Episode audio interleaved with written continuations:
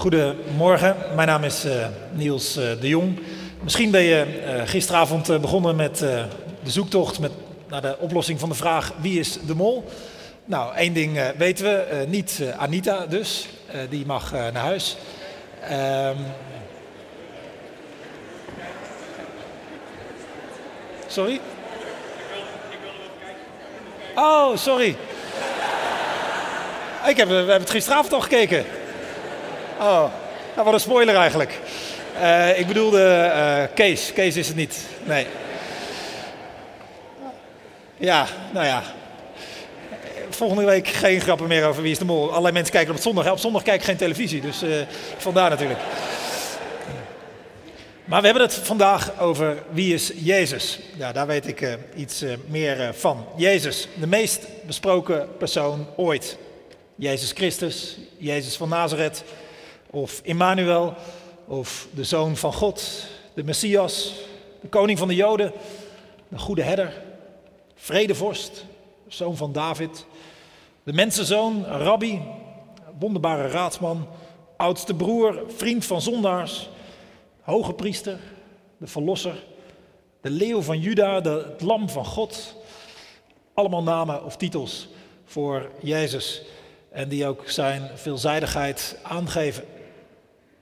Jezus nog altijd goed voor miljoenen hits per dag, terwijl hij geen enkele politieke macht heeft gehad, geen veldslag op zijn naam gezet. En niets achtergelaten, geen gebouw, geen kunstwerk of boek. Hij heeft 30 jaar lang in de anonimiteit geleefd. In een wat achtergebleven gebied in het Romeinse Rijk. En daarna ongeveer drie jaar opgetreden in Jeruzalem en de twee provincies daaromheen. Is waarschijnlijk nooit verder dan 250 kilometer van zijn geboorteplaats Bethlehem gereisd. Stierf een voortijdig einde aan een kruis. En toch is zijn invloed ongekend. We hebben de wereldgeschiedenis ingedeeld in twee tijdvakken, voor Christus en na Christus. Talloze kunstenaars heeft hij geïnspireerd, waaronder de meest beroemde aller tijden, zoals Da Vinci, Rembrandt en Bach. De mensenrechten waren ondenkbaar zonder zijn onderwijs. In talloze universiteiten wordt tot op de dag van vandaag zijn betekenis bediscussieerd. Allerlei grote denkers roemen zijn richtlijnen, zijn uitzonderlijk hoge morele maatstaven en de genialiteit van zijn verhalen.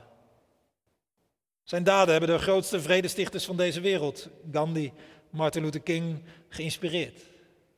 Zijn executiemiddel het kruis kun je in elk continent voortdurend tegenkomen.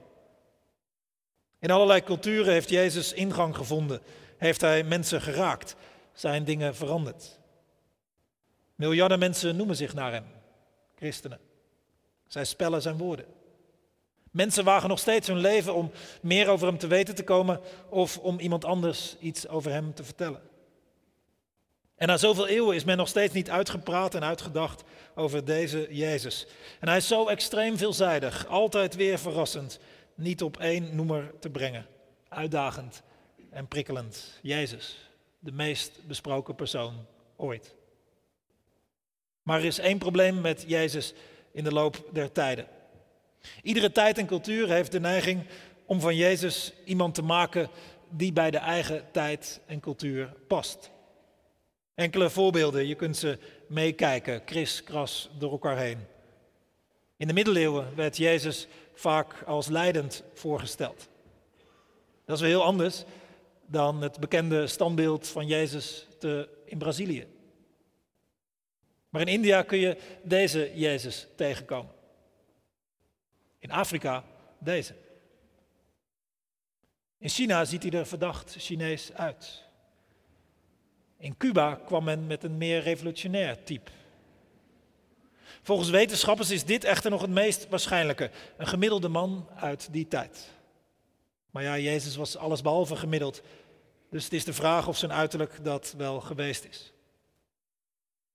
Het zijn niet alleen maar plaatjes. Het laat ook zien hoe iedere tijd en cultuur de neiging heeft om Jezus in te kaderen, aan te passen, aan te laten sluiten bij wat men kende.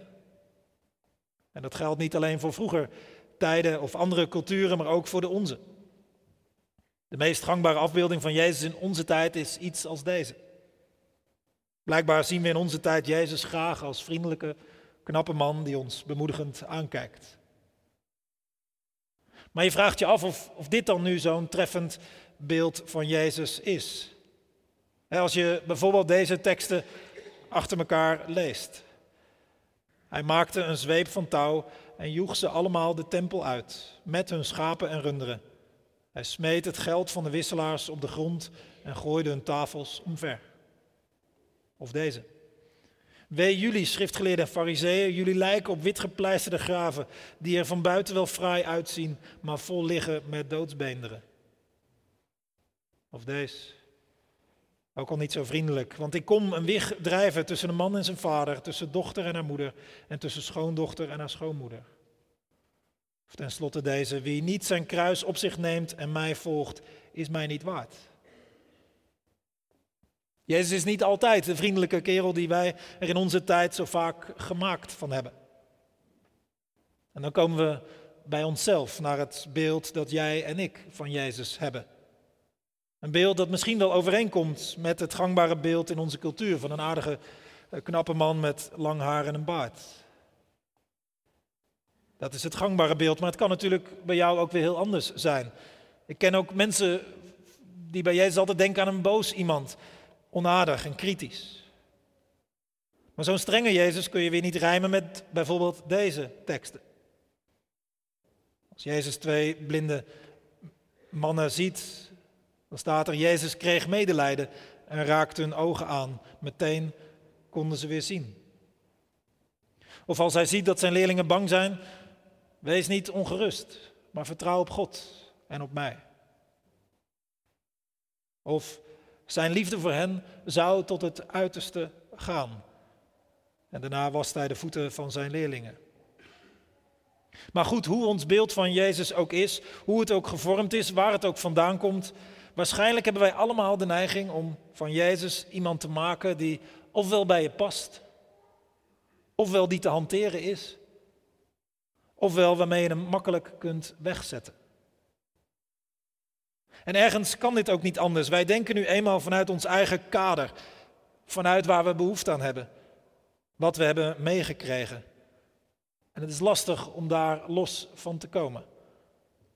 Lastig, maar wel echt nodig. Anders denk je dat je Jezus kent, terwijl je hem maar zeer ten dele blijkt te kennen.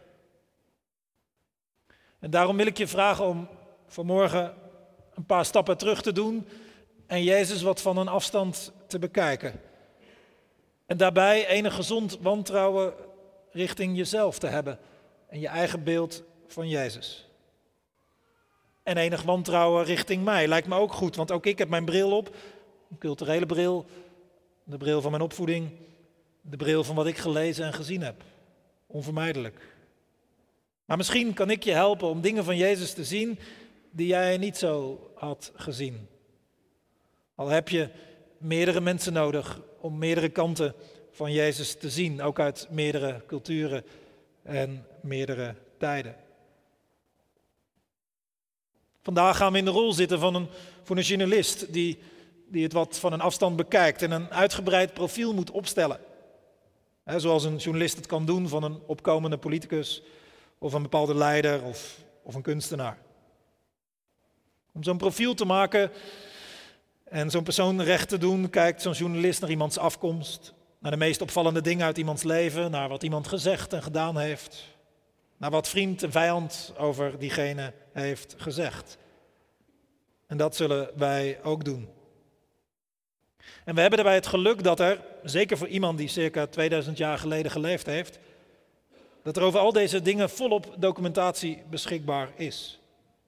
Dan nog uit verschillende bronnen van verschillende schrijvers, die de toets van historische betrouwbaarheid zeer wel kunnen doorstaan. Want deze documenten zijn bijzonder vroeg ontstaan, relatief heel kort na Jezus' leven, toen er nog allerlei ooggetuigen waren. En ze komen niet uit één hoek, maar uit meerdere hoeken. Zelfs van iemand die eerst een fel tegenstander van Jezus was. Mocht je de bronnen niet kennen, dan zou ik zeggen, laat je verrassen. Mocht je deze bronnen al goed kennen, ze meerdere malen gelezen hebben, probeer weer als nieuw, fris, naar Jezus te kijken. Misschien zie je dan wel nieuwe dingen of dingen die je wat vergeten was. Laten we zo'n profiel opstellen en beginnen bij het begin. Wat is zijn afkomst en wat zegt dat? Zijn afkomst was ronduit eenvoudig. Jezus werd geboren bij Jozef en Maria te Bethlehem. Jozef en Maria, een jong stel die het niet al te breed hadden. Bovendien zijn ze al jong van huis en haard verdreven en moeten ze zelfs als vluchtelinggezin onderdak zien te vinden in Egypte. Daarna komen ze terecht in Nazareth, waar Jozef en Maria waarschijnlijk ook oorspronkelijk vandaan kwamen. Het verhaal gaat dat Maria zwanger was geworden zonder tussenkomst van Jozef of welke man ook. Dat vonden ze toen al moeilijk te geloven. En daarom zijn er levenslang de roddel en de geruchten gebleven dat er niet, iets niet in de haak was rondom het zwanger worden van Maria. Jezus zou een bastaard zijn. Dertig jaar later gaan daar nog steeds geruchten van rond. Later kreeg Jezus nog een aantal jongere broers en zussen. Tot zijn dertigste is hij hoogstwaarschijnlijk werkzaam geweest in het timmermansbedrijf van zijn vader, Jozef, zijn aardse vader. We hebben maar één betrouwbaar verhaal uit zijn jeugd. Hij bleek als twaalfjarige al bijzonder thuis in de oude boeken, dat wij het Oude Testament noemen. Wat is er te zeggen over Jezus' context, over de dingen van zijn tijd en cultuur? Jezus groeide op in een tijd dat zijn volk bezet werd door de Romeinen. Die Joden, hè, waar Jezus onderdeel van was, die hadden wel een bepaalde uitzonderingspositie weten te verschaffen, maar natuurlijk leden ze onder deze overheersers. Bij veel Joden leefde er de verwachting dat God binnenkort zou ingrijpen via een Messias, een redder. Iemand die in lijn van koning David weer een glorietijd voor het volk Israël zou doen aanbreken. Allerlei oude teksten spraken hierover. En geregeld stond er iemand op en die riep uit dat hij het was, de aangekondigde Messias, die dan ook in opstand kwam tegen de Romeinen. En bijna altijd eindigde dat weer snel en bloedig. Er waren in die tijd allerlei politieke en religieuze partijen en bewegingen Sommige daarvan gooiden op een akkoordje met de Romeinen. Anderen gingen juist voor revolutie. Weer anderen lieten politiek voor wat het was en zochten het in religieuze puurheid. Maar veel veranderen deed er niet. In ieder geval was religie heel belangrijk in de tijd van Jezus. Als er een algemeen dagblad zou bestaan, dan zou er geen sportkatern zijn, maar zou er elke dag een katern godsdienstige zaken verschijnen. Iedereen was religieus in die dagen. Al was er nogal discussie over wat de goede manier van godsdienstig zijn was. Er waren nogal wat rabbies die het land rondtrokken om mensen te beïnvloeden met hun boodschap en leefregels. Jezus was ook zo'n rabbi, zou je kunnen zeggen. Vanaf zijn dertigste, de leeftijd waarop een volwassen man als leraar serieus werd genomen. Toen verliet Jezus Nazareth en ging hij rondtrekken. Hij verzamelt ook leerlingen, discipelen om zich heen. Op één na allemaal mensen uit Galilea, de wat achtergebleven provincie van het Israël van die dagen. Later kwam Jezus meer in de randstad terecht, Jeruzalem en omstreken. Maar hij bleef iemand uit de provincie. Zo kon men zeggen, kan er uit Nazareth iets goeds komen? Wat was zijn boodschap? Als Jezus rond gaat trekken, verkondigt hij overal dit. Kom tot inkeer. Gods nieuwe wereld is binnen bereik. En hij roept mensen op om anders te denken, anders te kijken. Ze stonden als het ware de verkeerde kant op te kijken door te hopen op iemand die hen zou verlossen van die nare Romeinen en hun aardse politieke situatie snel zou verbeteren. Maar daardoor zagen ze niet wat God aan de andere kant aan het doen was, waar God mee bezig was wat echt goed was, iets blijvends. Terwijl als ze anders zouden kijken, anders zouden denken, dan zouden ze zien dat het zo dichtbij was, die nieuwe wereld van God. Die nieuwe wereld van God was de soort wereld die ze kenden, maar dan op zijn kop. En Jezus nodigde, die sprak daar voortdurend over en nodigde de mensen uit om onderdeel te worden van die nieuwe wereld, die nieuwe beweging van God. En die uitnodiging liet hij bijzonder breed uitgaan. Was dit een soort revolutie die Jezus uitriep? Jazeker, maar wel een heel andere dan gedacht. Hoe, hoe konden mensen in die nieuwe wereld van God stappen? Via geloof in Jezus. Door op Hem hun vertrouwen te stellen. Dat was Jezus' oproep om te geloven. Maar Jezus waarschuwde de mensen wel steeds. Die wereld van God is voor ons mensen een heel vreemde wereld. Waar alles zo anders aan toe gaat dan we kennen. het onderwijs van Jezus maakt dat voortdurend duidelijk. Het is niet langer status vergaren of je bezit doen toenemen. Het is niet je zorgen maken over wat je hebt, wie je bent of wat anderen van je denken. Het is niet jezelf redden, jezelf op de kaart zetten, jezelf naar voren duwen. Het is niet je macht gebruiken om over anderen te heersen. Het is niet anderen veroordelen, anderen minachten. Het is niet vergelden als iemand jou iets aangedaan heeft. Al dit soort normale dingen, daarvan zegt Jezus niet doen. Niet doen. En hij geeft dan met allerlei voorbeelden en verhalen aan wat er wel past bij Gods nieuwe wereld. Gods koninkrijk. Niet, niet zozeer een verandering van gedrag van de buitenkant, maar verandering van de binnenkant. Het komt vooral op liefde aan. Voor God en de ander tot vijanden toe. Het is een leven van geven, zoveel als je kunt, tot het pijn doet. Dat is een leven van waarheid, ook als die ongemakkelijk is. Dat is een leven van een streep door je eigen ego. Het is een leven waarin je als mens meer gaat lijken op God. En met name uit Jezus' verhalen, gelijkenissen blijkt wie God is, hoe extreem zijn goedheid is.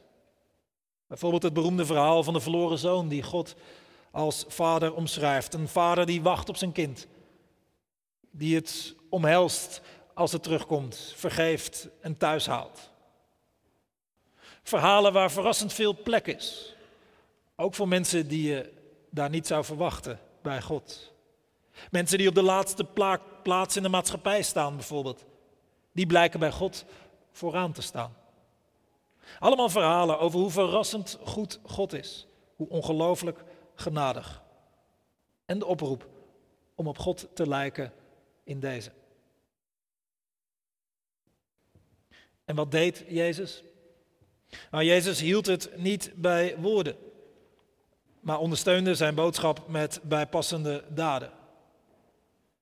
Die daden zou je kunnen samenvatten met over grenzen heen stappen. Hij stapte bijvoorbeeld culturele grenzen over.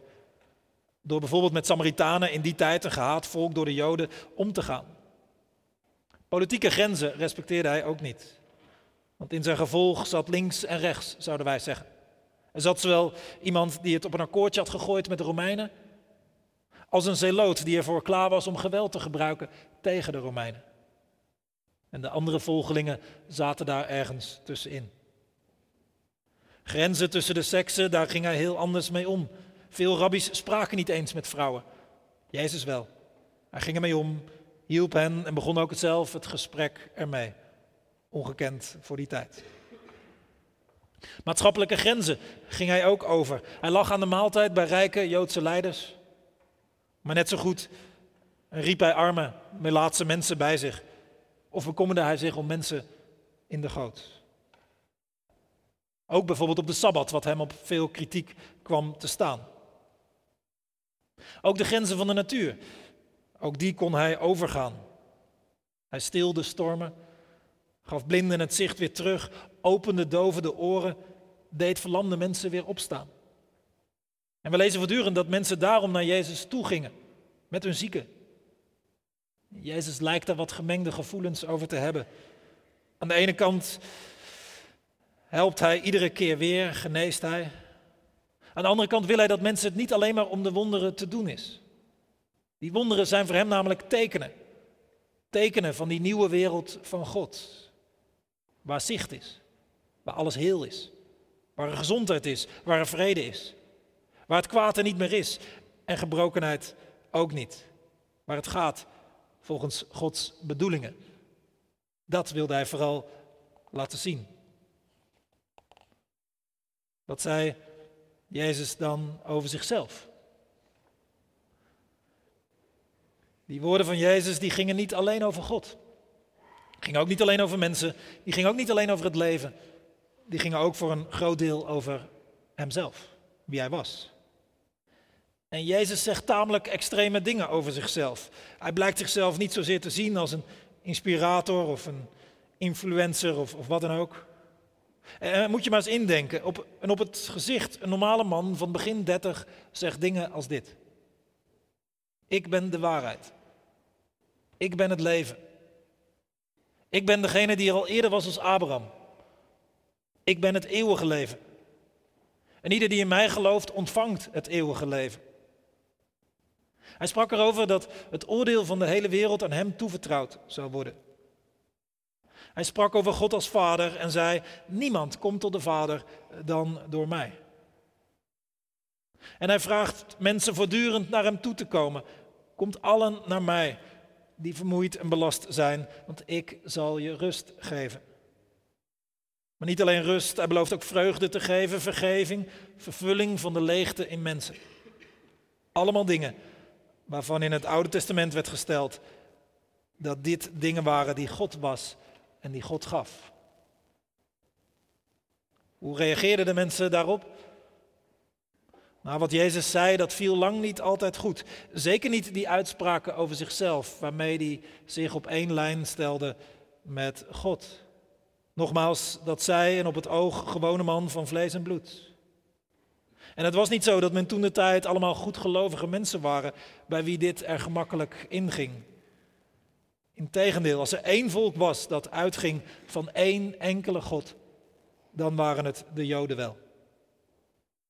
Men reageerde daarom ook heftig op deze uitspraken van Jezus. dit was voor Joden onmogelijk, ongekend, ongelooflijk. Dat een mens verkondigde dat hij als God was. Dat God in hem zich presenteerde. Nee, men vond dat godslastelijk. Met name de Joodse geleerden laten dit iedere keer weer blijken.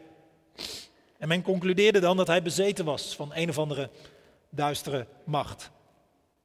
Zijn familie had een iets mildere conclusie en zei: hij is gek geworden. Aan de andere kant, mensen zeiden ook steeds: wat hij doet is niet iets wat een gek doet of iemand die bezeten is. Hij geneest mensen. Hij geeft mensen voedsel. Zijn onderwijs, ja, dat, dat, dat kunnen we niet vergelijken met wat we ooit gehoord hebben. Het heeft een bepaald soort gezag. Dat, dat kennen we niet. Jezus riep dus verdeeldheid op. Hij kreeg applaus en kritiek. Sommige mensen renden op hem af, anderen konden hem wel schieten. In de regel, zij die aan de kant stonden van de macht, zij die het goed met zichzelf hadden getroffen, zij die naar wereldse maatstaven veel te verliezen hadden, die konden niet veel met Jezus. En, en zij die aan de kant stonden van de samenleving, degene die het overduidelijk verknald hadden, die in de goot lagen zelfs, zij rennen het hardst toe naar Jezus, in de regel. En, en, en daartussen, tussen die twee uitersten, stond vaak de gewone man en vrouw, de menigte. En heel vaak lees je dat zij aarzelen. Soms zijn ze belangstellend, dan weer afwijzend. Soms keren ze zich naar hem toe en op andere momenten lopen ze weer bij hem vandaan. Wat mensen of de menigte of de massa ook van hem vond, Jezus liet zich nooit leiden door de publieke opinie. En hij richtte zich na verloop van tijd vooral op de kleine groep kernleerlingen die hij om zich heen verzameld had. Hij, hij die zichzelf gekomen zag als degene die kwam om de wereld te redden, legt zijn nalatenschap in handen van twaalf vrij eenvoudige kerels. Die leerlingen geeft Jezus extra uitleg, extra verdieping ten aanzien van zijn verhalen en daden, maar ze lijken het niet zo goed te begrijpen allemaal.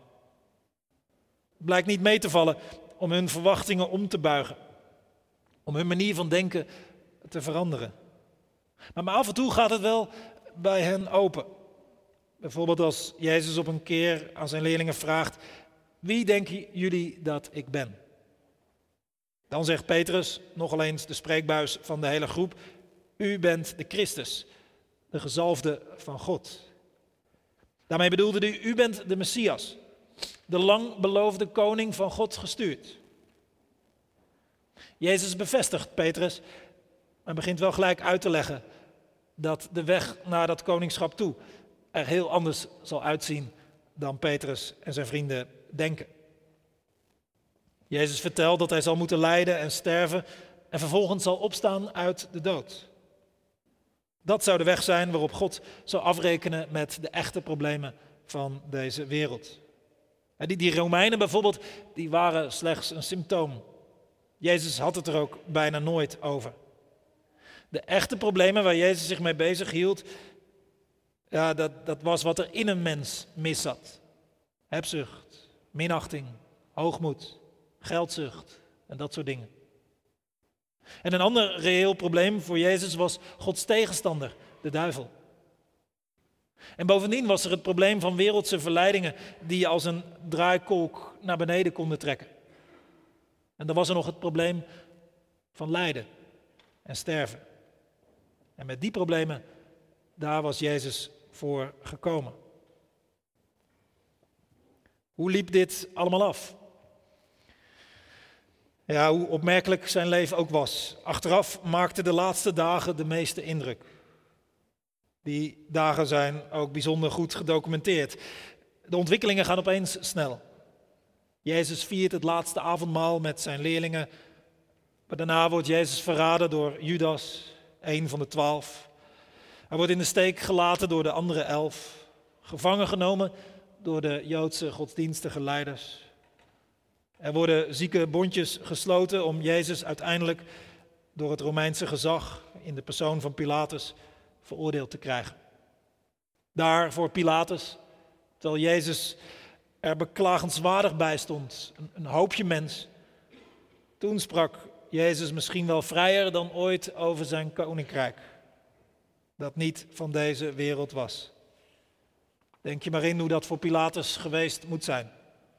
Een Joodse man die daar helemaal alleen staat. Tegen, iedereen is tegen hem, zo lijkt het. En die claimt dan dat hij de koning is. En wij horen wel eens van mensen die afstand doen van de voorrechten en de plichten van een koningshuis. Bijvoorbeeld in het geval van Harry en Meghan.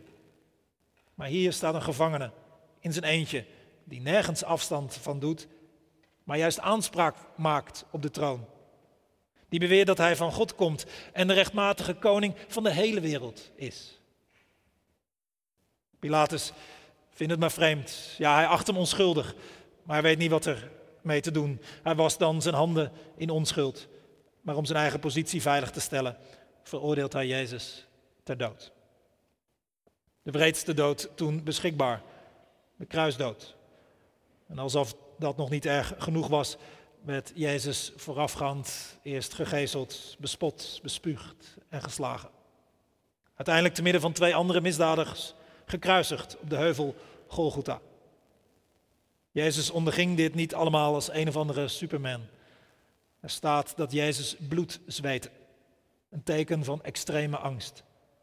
Er staat dat Jezus het uitschreeuwt naar God. Mijn God, mijn God, waarom hebt u mij verlaten? Maar Jezus blijft Gods weg gaan. Hij houdt vol en sterft uiteindelijk na een aantal laatste woorden die bekend zijn geworden als de kruiswoorden. En de bekendste daarvan is, het is volbracht. En hij stierf.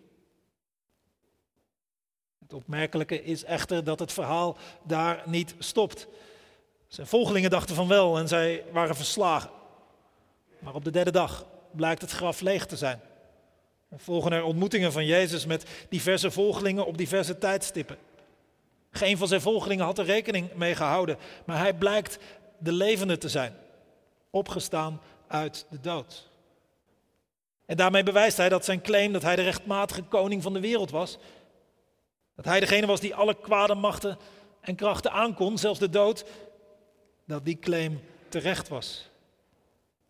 En na veertig dagen verdwijnt Jezus dan definitief in de dimensie van God, de hemel genoemd, wat tot op de dag van vandaag herdacht wordt op Hemelvaartsdag. Die opstanding uit de dood, dat maakt alles echt anders. Voor iedereen die sindsdien geleefd heeft. Jezus was dus niet een inspirerend iemand uit het verleden die wat goed advies voor ons had. De claim is sindsdien, deze Jezus is er nog steeds. En hij verandert alles. De eerste volgelingen die zich dat realiseerden, ontdekten dat alles wat er met Jezus gebeurd was, verrassend genoeg in lijn was met de oude boeken, het Oude Testament. Ruim 300 voorspellingen uit die boeken bleken in het leven van Jezus uitgekomen te zijn. Onder andere ook over zijn geboorteplaats, over zijn dood en graflegging. En ze kregen geleidelijk door dat die dood en opstanding van Jezus de overwinning op het kwaad betekende. De nekslag voor duivel en demonen. Verzoening tussen God en mensen. Vergeving van zonde. Afbetaling van schuld ook nog. Het betekende dat God meeleidde met mensen. Zich het lijden had eigen gemaakt, niet aan zich voorbij had laten gaan. Het betekent het blijvende voorbeeld van opofferende liefde voor iedere latere volgeling van deze Jezus. En die eerste volgelingen zagen opeens dat God zelf zich in Jezus had laten zien. Dat God zelf had ingegrepen om een nieuwe toekomst mogelijk te maken voor mensen die het daar niet naar gemaakt hadden. Dit moest iedereen weten dachten die eerste volgelingen. Dit veranderde alles. Dit betekende namelijk vergeving, vreugde, vrijheid. Voor wie ook maar wilde. Niet voor een paar gelukkigen, de happy few, maar voor iedereen die ervoor open stond. Het betekende leven, hoop, een nieuw begin. En de volgelingen van Jezus verkondigden deze levende Jezus en het goede nieuws dat ermee gepaard ging. En de eeuwen door is dat gedaan. En tot op de dag van vandaag wordt het doorverteld. En tot op de dag van vandaag geven mensen zich gewonnen aan Jezus. Vertrouwen zich aan Hem toe. Geloven in Hem. Niet dat dat het leven van mensen altijd makkelijker maakt. Er volgt vaak ook weerstand. En de tegenkrachten in deze wereld blijven zich nog roeren.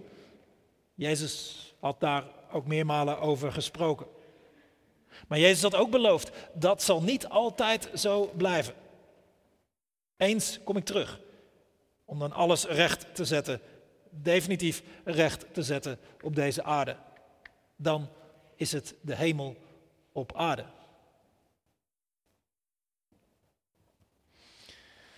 Een heel verhaal. We deden een paar stappen terug, als waren we journalisten, en we gingen op zoek naar een profiel van de hele Jezus. We zagen iemand die je zou kunnen samenvatten met zinnetjes waarin twee dingen steeds worden gezegd. Twee dingen die wij zelden samen zien gaan bij mensen, maar die bij Jezus wel samengaan. Hij is zo groot, maar nederig. Hij is voor de duivel niet bang, maar overschreeuwt zich nooit. Hij is eerlijk en genadig. Hij laat zich niet manipuleren, wel verraden. Hij is geniaal en toch de vriend van eenvoudige mensen. Hij is goed maar niet gek. Hij biedt mensen veiligheid, maar ook zet hij verhoudingen op scherp. Hij slaat geen hulpvraag af, maar niemand kan hem voor zijn of haar karretje spannen. Hij gaf zijn leven, niet voor de mensen die dicht bij hem stonden, maar voor iedereen. Hij ging dood, maar werd levend. Er zou nog veel meer te zeggen zijn. Laten we dit profiel afsluiten. En ik zou je willen zeggen, wat betreft die journalistenrol, die is volgens mij, als het om Jezus gaat, uiteindelijk niet vol te houden. Jezus is namelijk iemand die iets met ons te maken wil hebben. Die aanspraak maakt op ons leven. Die het persoonlijk maakt en jou en mij vraagt positie in te nemen. En ik denk dat als we hem zo besproken hebben, eh, zo zien dat hij je vraagt, ken je mij? En als je, als je mij kent, wie denk je dan dat ik ben? En, en hij nodigt je uit. Wie je ook bent, waar je ook staat, wat er ook is gebeurd, wat je ook weet, wat er ook mis is gegaan. Hij nodigt je uit en zegt: Vertrouw maar op mij. Geloof in mij. Geef mij de leiding in je leven.